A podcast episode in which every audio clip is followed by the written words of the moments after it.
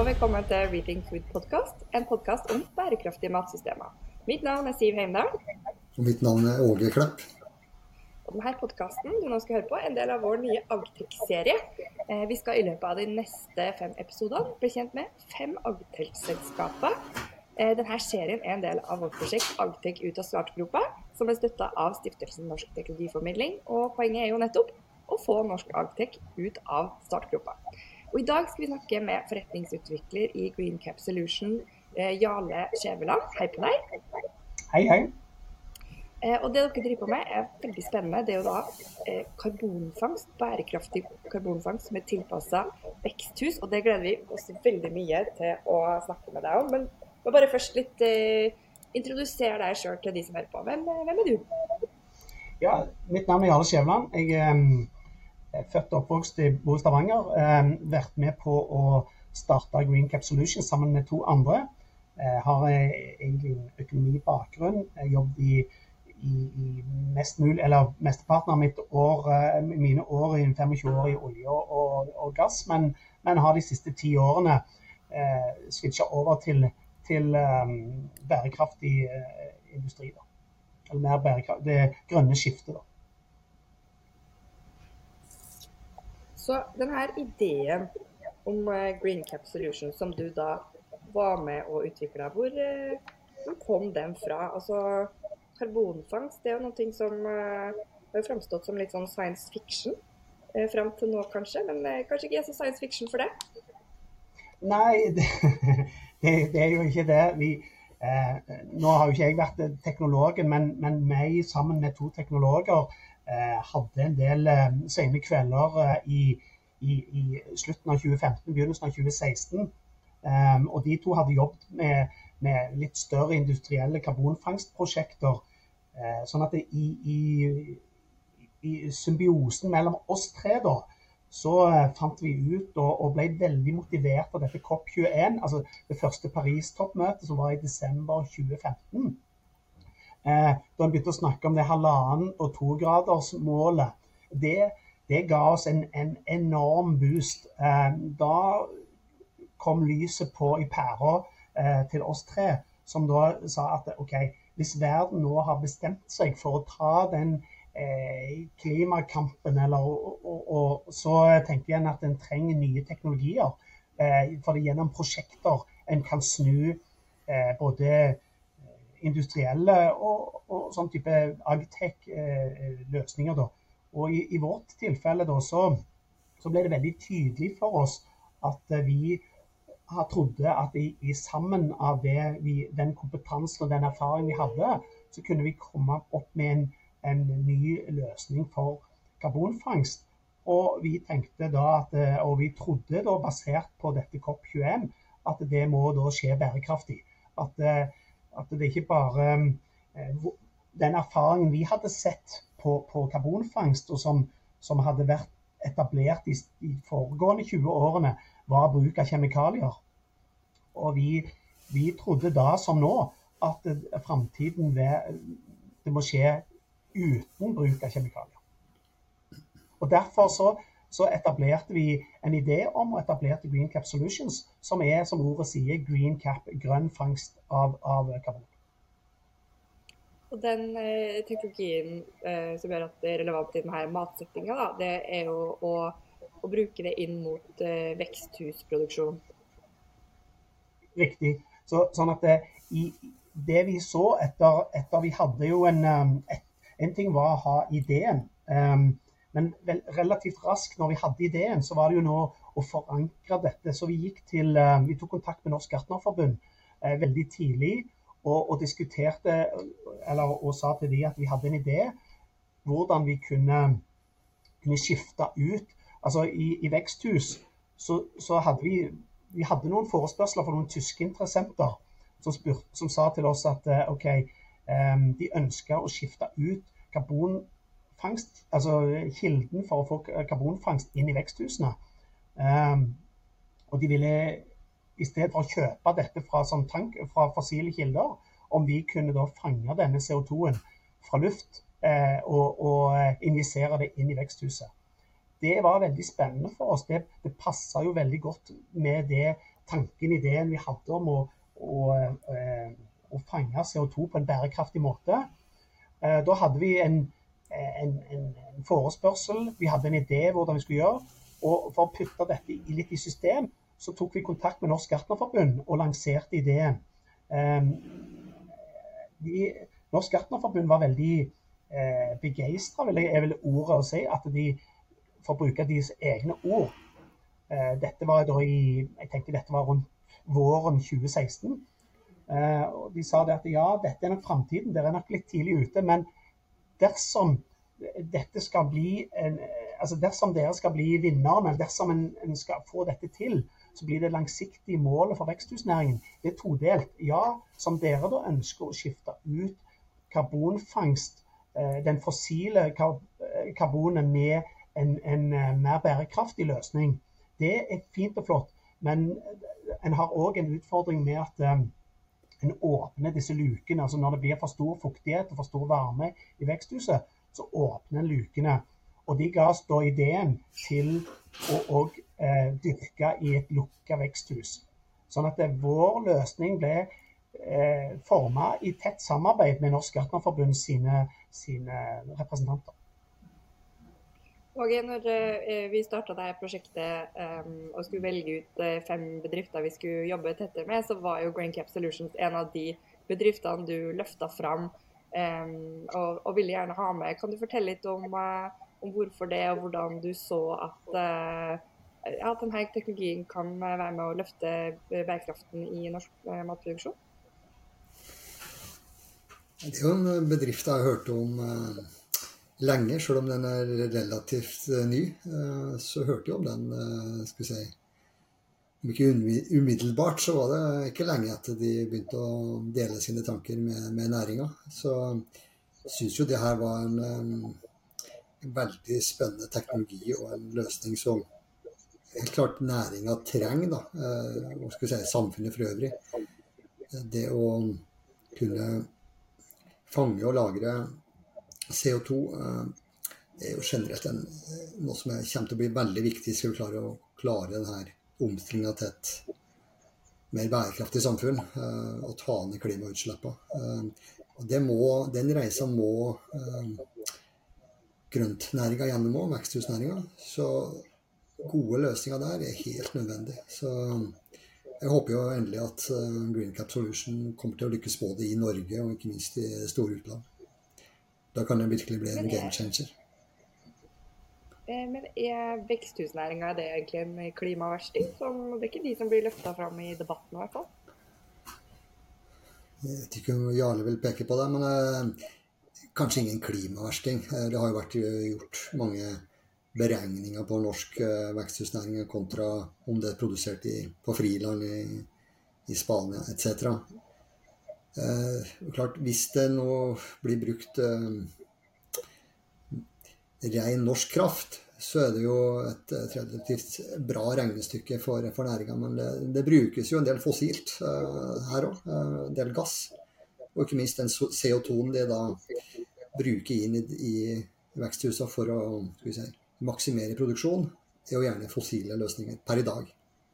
Så det er jo her eh, Jarle kan komme inn med sine gode, eh, mer bærekraftige løsninger. Jarle, kan ikke du fortelle litt sånn uh, Hvordan funker det rent, uh, rent praktisk? Det høres jo, uh, som jeg sa, litt science fiction ut. At man på en måte kan fange den eh, karbonet og putte, til, putte i arbeid inn i veksthuset. Hvordan, eh, hvordan fungerer det sånn rent eh, praktisk, hvis det er mulig å forklare på en enkel måte? Ja, altså, i, i, i, praksis er jo dette Hvis du tar de enkleste formene for forklaring, så, så, så kan en jo se for seg at dette er snakk om å, å strippe ut eller å fjerne en bestanddel inni en luftstrøm. Og det skjer ved, gjennom temperatursvingninger. Sånn at det er veldig enkelt forklart. Så, så tar vi som Altså hvis du skal gjøre karbonfangst fra luft, så uansett hvilken teknologi en bruker, så er det jo snakk om å, å, behandle store mengder med luft. Altså sende det gjennom. I vårt tilfelle så, så tar vi uteluft, atmosfærisk luft, til den i den bestanddelen den kommer. Det er klart Den har jo litt ulik ulik temperatur avhengig av hvilket klima den er i og hvilken årstid den har.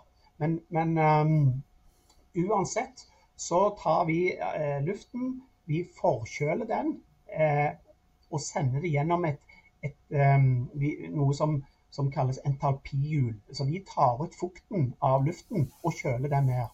Sånn at det som, som en sånn, Hvis du kan tenke deg eh, en, en eh, trestegsprosess for å fjerne eh, CO2-en som består i luft. Altså, Ifølge offisiell statistikk da, så er, er, det rett over 400 ppm, altså particles per million, i, av CO2 i luft. Det er noe sånn som 0,004 eh, av eh, CO2 i, i luft. Um, sånn at det, i steg én så, så, tar vi atmosfærisk luft. Vi tar ut fukten um, og forkjøler den. Da har vi, da har vi en Så gjennom vårt apparatur så får vi da gjennom steg én så får vi da en, en tørr, kald luftstrøm. Så sender vi det gjennom et En kan se for seg et, et, filt, et ganske stort filter opptil tre meter høyt og 20 cm tjukt så sender vi den kalde eh, luftstrømmen gjennom dette filteret. Eh, og når den luften har, og inni det, inni det filteret så, eh, det, så, har vi zeolitter. Det er et mineral som finnes i naturen, men som vi har fått produsert hos internasjonale fabrikker for å få de mest mulig optimalisert for vårt bruk. Og når vi da sender denne kalde, tørre luften gjennom dette filteret, så vil disse CO2-molekylene eh, feste seg til zeolittene eh, på en sånn midlertidig binding. Så du kan si at de setter seg eh, på overflaten til, til zeolittene. Og på den andre siden av dette filteret så får vi da CO2-fri luft. Da har vi i praksis tatt fjerna CO2-en fra, fra, den atmosfæriske luften. Og det kommer tilnærmet lik null CO2 ut på andre siden av filteret. Og Da har vi da gjort, da har vi tatt steg to av vår prosess. Da har vi tatt samla CO2-en i et filter. Nesten som du kan tenke en svamp som du fyller vann på. Så fyller vi den svampen med vann. Her i dette tilfellet så er jo filteret eh, ikke en svamp, men det er et, et, et zeolittbed som vi da fyller med eh, CO2. Og når det da er fullt eh, i løpet av ca. 20 timer, så så kan vi gå over til steg tre. Og det er selve desorpsjonen. Altså I steg to så har vi da hatt absorpsjon, der vi da har fanga CO2-en til bedet. Og i steg tre så gjør vi desorpsjon. Da tilfører vi varme til, til dette bedet. Opp til ca. 200 grader. Og når du får en, en i, vår, i vår terminologi høy temperatur, men i kjemiske reaksjoner så er det en relativt lav temperatur på 200 grader. Men for mennesket oppleves det som litt høy. Um, og da vil jo da CO2-en slippe uh, sitt, sin midlertidige binding til zeolitten. Og vi kan da ta dette ut enten gjennom et, et, um, et lager, eller som vi har gjort mot veksthusnæringen, at vi da øker den, vi kan sende den forhøyde CO2-konsentrasjonen gjennom en luftstrøm og inn i veksthuset for å optimalisere eh, veksten. Altså for å, å, forsere fotosyntesen hos de plantene som da er inne i veksthuset. Det er jo helt utrolig. Det, jo, det var jo kjemiker man skulle blitt, skjønner jeg. Det er ganske utrolig at man har klart å, å finne ut av det her. Man tar uh, luft og klarer å hente ut bestanddeler i luft og bruke til noe nyttig. Jeg er helt sikker på at uh, folk som har eh, studert uh, naturvitenskap syns det er easy-peasy, men for oss andre så, så syns jeg det, det, høres ganske morsomt og, og, fancy ut. Og hva, og hva skjer inni veksthuset da, når du, når du tar denne her CO2-en inn i det lukka systemet? Ja, det, det, du får en du, altså i, i, i, praksis så, så, er det som, som, nevnt rundt 400 ppm eh, med CO2 i, i uteluft i, inni et veksthus så ønsker jo eh, dyrkerne å ha en, en, større konsentrasjon. Altså Når en har hatt tradisjonell dyrking med altså sånn som veksthusbransjen kjenner til i dag, så oppnår en over tid kanskje å få en, en 600 ppm eller noe sånt. Altså en, en øker konsentrasjonen på ca. 50% over tid. Og Grunnen til at en ikke får det stort sett høyere, det er fordi at når en åpner disse vinduene, så slipper en mye CO2 ut.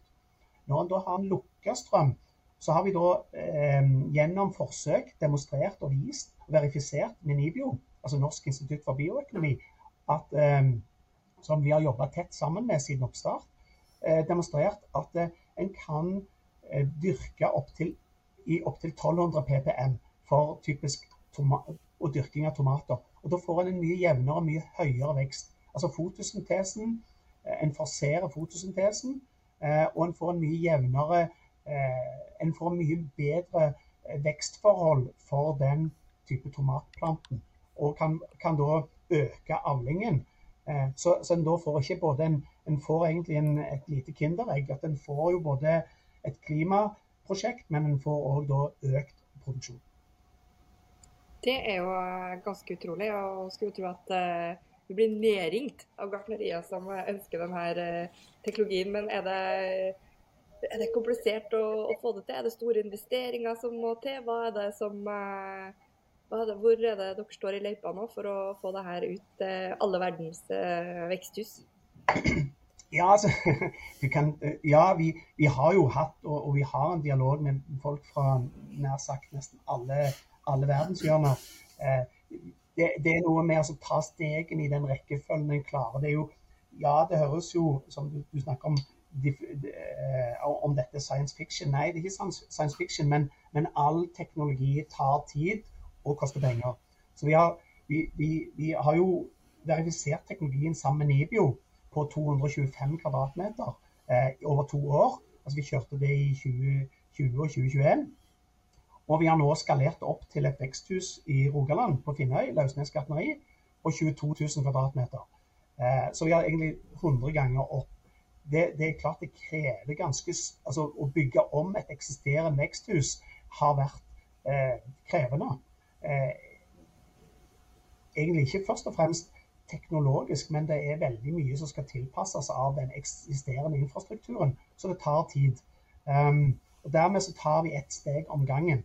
Eh, vi, har, vi holder på med som sagt, fortsatt igangkjøring eh, det, det første kommersielle anlegget.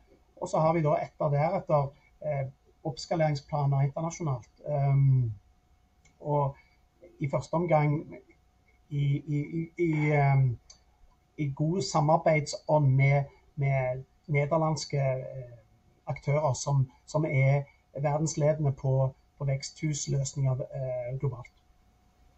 Åge nevnte jo det her med, med, at vi har tilgang til ren energi i Norge. Men er det, det kreves det mye energi for å ta i bruk eh, teknologi? Ja, altså i, i, i dette tilfellet så, så, har jo stegene vært eh, Som sagt, vi, vi, har jo gjort fire, fire ulike piloter. Og, og, det var jo først var det å demonstrere at det virker.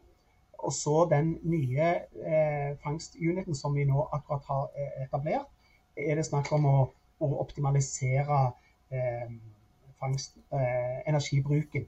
Vi bruker kun, kun eh, elektrisk kraft. Eh, selvfølgelig den kan komme, altså I vårt tilfelle så kommer den jo fra nettet, men, men, den kan jo komme fra andre former. Den kan komme fra både sol og vind og, og, og geotermisk, men, men fra typisk Norge, da, som, som er eh, elektrisk via vannkraft, um, så bruker vi nå i underkant av 2 kW per fanga kilo CO2.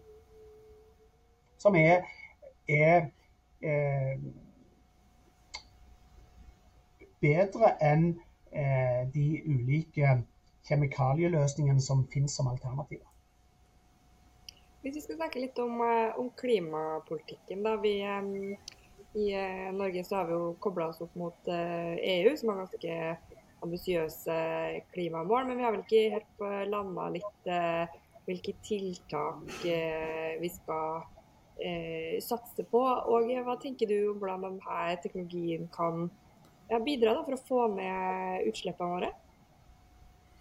Hvis jeg har skjønt det riktig, da, gitt at det er ren energi, da, eller eh, ren eh, kraft, eh, som går inn, fornybar kraft som går inn til veksthuset. Og hvis du bruker Green Cap Solutions-teknologien, så etter hvert så må det jo være netto null. da, At du, blir et, at du går i et, et, et nullsumspill. For du vil jo måtte slippe ut noe, noe CO2 når du, den tomaten blir spist en gang. Så, men det, det netto null-løsninga tenker jeg er meget bra. Eh, det er dit vi bør sikte på å komme. Eh, så det er jo etter mitt skjønn en meget god løsning for eh, veksthus. Så jeg håper jo at vi den første delen av kommersialisering nå ja, får skyte ytterligere fart. Da, så at du får flere av denne type anleggene både i Norge og i store utland. Det er ikke noe tvil om at eh, for å klare den klimaavtalen som eh, si, næringa, da, eller eh, faglaget har gått inn med, med, regjeringa, så må, må, det ny teknologi og nye løsninger på plass. Og for veksthusnæringen. Opplever dere mye oppmerksomhet rundt denne teknologien, Jarle? Er det mye snakk om det? Blir dere løfta fram av lokale politikere eller nasjonale politikere? eller er dere interessert i å, å, kutte utslipp? Ja, jeg opplever at interessen eh, i hvert fall eh, har vært veldig må nok, må, må nok, tilstå at interessen er større internasjonalt enn en lokalt. da. Eh, det må jeg nok, eh, må jeg nok tils, tilskrive. Og, og, og, og, hva det skyldes, er vel, er vel, litt uklart kanskje for oss. Men, men det er klart at det, for, for eh, Nå har vi hatt den der med Eh, lokalt, altså i Norge, da, så har vi jo hatt den der veldige energiomstillings, i hvert fall markedsomstillingen det siste året halvannet, som jo har påvirka interessen for vår løsning. Eh, egentlig så hadde vel vi trodd i, i, fra starten at det skulle påvirke interessen positiv forstand. Det har vel egentlig opplevd som at bransjen har trukket seg litt tilbake og så litt skeptisk og usikker på eh, framtiden og i forhold til å, å, å, ta nye teknologiske skritt.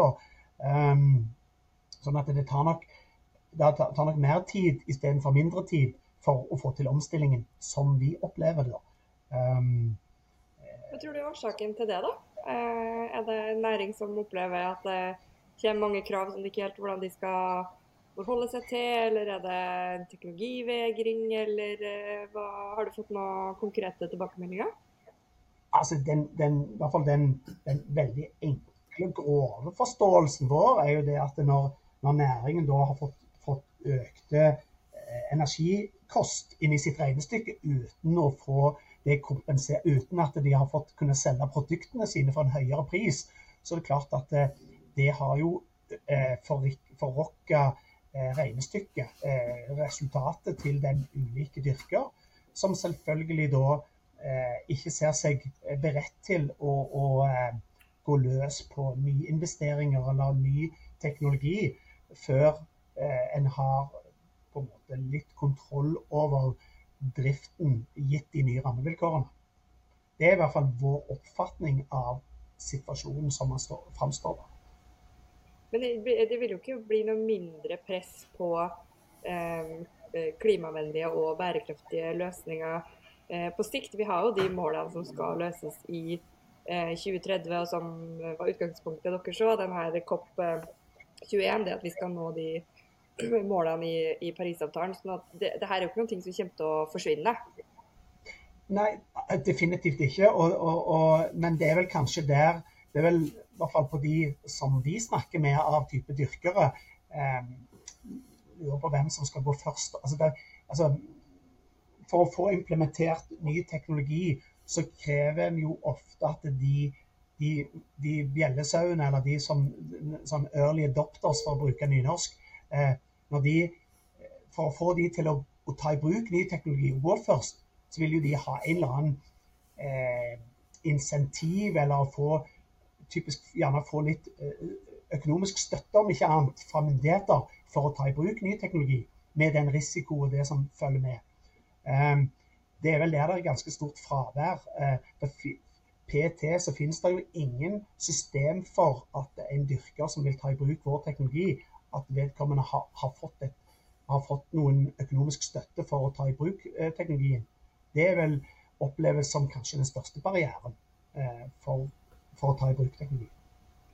Og det er jo ikke akkurat uh, noe nytt uh, det vi hører her. Vil du uh, kommentere på det?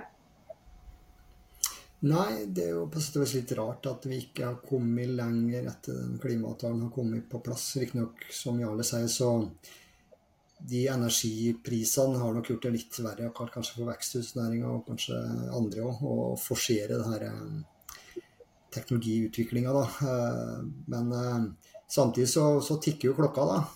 Eh, og den tikker relativt raskt. Og den avtalen mellom eh, klimaavtalen altså For jordbruket så er det jo akkumulert. ikke sant? Det er 5 millioner tonn CO2 eh, som skal tas, ned, tas innen 2030. Og jo lenger du venter med å få inn løsningene, jo verre blir det å klare den, den fristen og, og ambisjonen. Så Nei, det, det, må gjøres et eller annet med på virkemiddelsida og sånn klare å, ja, å få en tydeligere plan om hvordan vi skal få det her til å skje i praksis. Eh, og her må det både mer penger og ja, en bedre plan eh, må legges. Men det er jo, en sånn sett er det i hvert fall bra at, at teknologiene finnes der ute. Hadde det ikke vært for det, så hadde det vært enda verre. Ja, hva, hvis jeg kan spørre deg, Jarle, hva er det som skal til for at eh, dere lykkes nå? En, hvis det hadde kommet investeringsmidler eh, til, til, produsentene, er det, er noen andre store barrierer du ser som, eh, som dere må komme over før dere er i eh, ja, alle verdens veksthus? Jeg har store ambisjoner for dere, hører du? Altså, for, for, oss å lykkes, og hvis du tenker på den internasjonale arena, så, så tror jo vi den større ja, på, på, lokalt, altså For å få implementert teknologien i Norge, så, så tenker vi at det, eh, vi må få større forutsigbarhet på, det, på, på uh, virkemiddel, altså på, på, støtteapparatet. Det er det som må til for at det, dette skal bli en suksess i Norge. Hvis du tenker internasjonalt, så tenker vi kanskje først og fremst for vår egen del så, eh, er det å få til gode partnerskap. Eh, vi kommer fra et lite land. Vi erkjenner jo det. Vi, vi, vi er, eh, for å være litt, eh, litt foroverlent, vi er lengst i verden på det vi holder på med. Vi er helt klar på, Vi har såpass mye markedsinformasjon med det som foregår andre plasser, at det finnes ikke noen som har kommet lenger på denne løsningen. men det betyr ikke at den beste teknologien alltid vinner. Det har, har historien vist. Um, sånn at å, da komme fra et lite land, der ligger jo vår barriere ligger å, å få til um, gode partnerskap med større uh, industriaktører internasjonalt. Og Det jobber vi ganske hardt med. Å inngå partnerskap med, med, gode aktører. Jeg nevnte på, på veksthusbransjen så er det veldig mye med, vi bruker ganske mye tid med ulike nederlandske aktører. På andre Eh, industriløsninger for vår, vår, eh, vår, eh, teknologi, så jobber vi med andre typer industriselskap for å få ut teknologien. For det er for oss det viktigste. Vi prøver å holde fortsatt klamre oss til den vår visjon om at vi for, som, som, ble unnfanget etter den COP21, at eh, verden trenger bærekraftige fangstmetoder eh, for CO2-fjerning. Og at um, dette å bruke kjemikalier som igjen blir spesialavfall osv., at det må bort. Vi tenker at det, det, det er ehm, sånne løsninger som vi kommer med, som er framtiden. Uh, men gjennom partners internasjonale partnerskap er veien vår. Hva tror du da, Åge, hvis du skulle gitt en dom her? Hva er Green Cap Solutions sitt potensiale potensial internasjonalt? Ser du for deg verdensherredømme? Jeg har nå vært og besøkt i, og sett anlegget som er på, på Nibio Nærheim. Og det, Særheim, og det, det, ja, det er imponerende å se teknologien. Jeg skal ikke skryte med at jeg har eh, skjønt hver lille detalj her, men eh, det er jo helt klart en, en, en, en teknologi som verden trenger. Eh, og ikke og Norge, da. Jeg, så jeg håper jo og tror at en del av utviklinga fortsatt skal skje i Norge, og at teknologien skal bli tatt i bruk i hvert fall minst like stor grad i Norge som i det store utland. For klart, Jo lenger vi venter med omstillinga både i Norge og utenfor Norge, jo kraftigere lut må til for at vi skal klare å håndtere de her klimaendringene vi er i gang med. Så det, det, er en vanvittig omstilling. Og jeg håper virkelig at vi nå kan begynne å forsere litt. Og da tror jeg det er nødvendig at vi ja, bruker mer midler på å få ting ut da, i kommersialiseringsfasen. At både bønder får tatt ned risikoen, og ikke minst selskaper da, som Greencap Solution. At, de, at, at, eh, det offentlige er med i enda større grad. Eh, for den siste fasen ut mot å lykkes i markedet, den er gjerne litt lengre og litt mer kronglete enn det vi liker å tenke på. Og her tror jeg ikke Norge har vært best i klassen, dessverre. Det hadde vært veldig kult om uh, lille Norge, som ikke akkurat kjent for å være en stor uh, tomatprodusent, skulle eksportere denne teknologien til noen av de virkelig store veksthuslandene som du nevner eh, Nederland. Det, hvor, lang, hvor, lang, er veien dit, eh, Jarle, hvis du vil si noe om det? Nei, Veien er ikke så veldig Jeg vil si veien er ganske kort i forhold til Vi holder jo på, som, som jeg nevnte nå, med, med å, inngå eh, samarbeid med noen av de ledende aktørene og tilpasse løsninger som, som, deres kunder internasjonalt ønsker seg. Um, så, så jeg, jeg, tror allerede offensivt nok, så tror jeg allerede i løpet av neste år så er vi i gang med løsninger på internasjonalt nivå eh, på karbonfangstløsninger i samarbeid med en eller to av disse nederlandske aktørene. Vi kom såpass langt med dem at det, det er, vår, er, vår, gameplan. Mm. Det er morsomme og gode nyheter. Men jeg har et spørsmål til før vi må begynne å avslutte her. og det er jo du, Dere sa jo at dere kom fra eh, oljebransjen. og En ting vi liksom stadig hører, er jo at um, ja, om uh, oljebransjen skal ha møtt de samme barrierene eller, uh, eller mangel på støtteordninger eller, eller insentiver da, som de i andre næringer, da, særlig landbruket og landbruksteknologien møter, som altså, hvis oljenæringa skulle hatt det like tøft, så hadde vi aldri vært den store oljenasjonen som vi er. Eh, kjenner du, eller har du følt noe på forskjellen fra å gå fra, fra oljenæringa over til, til, veksthus, landbruk, at det er litt treigere system og litt mer barriere og kanskje ikke så rett frem? Ja, definitivt. Eh, definitivt har det vært, eh, i hvert fall fra egen erfaring som har vært i i hele næringskjeden i oljebransjen, både fra service til operatørnivå og, og på, på, på, norske og internasjonale selskaper, så er det klart at det var jo, jo det selvfølgelig er det alltid en fokus på økonomi der òg, men, men, gode ideer og god, god eh, teknologi, det, det, har jo har alltid sett sitt, sin mulighet. Og det har alltid vært en, en, en backer både av selskapet, av, av partnere og av uh, ulike støtteordninger. Det har nok Det er nok litt, for, i hvert fall for egen del, litt overraskende å se at det, det sitter lengre inne gjennom hele verdikjeden til å ta de større, de større grepene som må til. Uh, ja, det, jo, det, er kanskje lett å komme utenfra, men, men vi trodde nok kanskje når vi så den myndighetenes store vilje til å ta grep f.eks. på elektrifisering innenfor biltransport. Sånn. Når en bare bestemte seg for at nå skal vi gjøre noe med, med bilparken vår, og så i løpet av noen få år så var jo nesten hele nybilsalget flyttet over til elektriske biler. Um, det, det, det, er lov, tenker jeg, å tenke at uh, en kan få til en sånn tilsvarende endring innenfor Agtech på kort tid hvis en det, det er snakk om en villa politikk, dette. Så, så jeg tror en sånn skifte Jeg velger å være positiv, at det er mulig å få til et sånt skifte. Og da ville disse målene, både 2030 og 2040, være høyst oppnåelige eh, hvis, en, hvis, en seg, sånn, hvis, en, bare setter seg litt foran og sier OK, nå skal vi på generelt grunnlag støtte alle som, som, som tar dette, eh, denne, denne, dette skiftet. Ja, men Det er godt å høre at uh, du sier at det, det, er mulig. Vi hører jo fra politikerne at uh, at vi ikke skal legge ned oljeindustrien, men utvikle. Fordi vi trenger den uh, teknologien til å nett, til å utvikle nye grønne systemer. Og da må vi nesten legge til rette for at det faktisk er mulig. Åge, du noe du vil kommentere?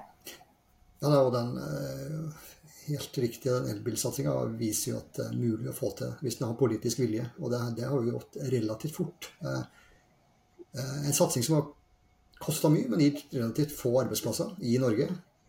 Men sannsynligvis riktig at vi har gjort det vel fra oljelandet Norge. Men Agtex-satsinga som vi nå kan dra i gang for alvor, den trenger ikke nødvendigvis å koste så mye penger, men den kan gi vanvittig mange flere arbeidsplasser og mange gode løsninger også, som vi kan eksportere ut av landet. Eh, og Det er jo det det handler om, å få omstilt det store globale matsystemet. Eh, for det er da det begynner å monne eh, å få ned utslipp.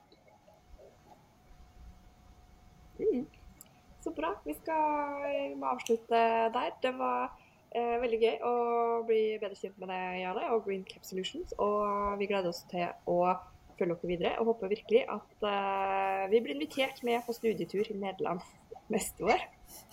For den store åpninga. Det hadde vært noe. Så takk for praten, og så høres vi. Takk for praten.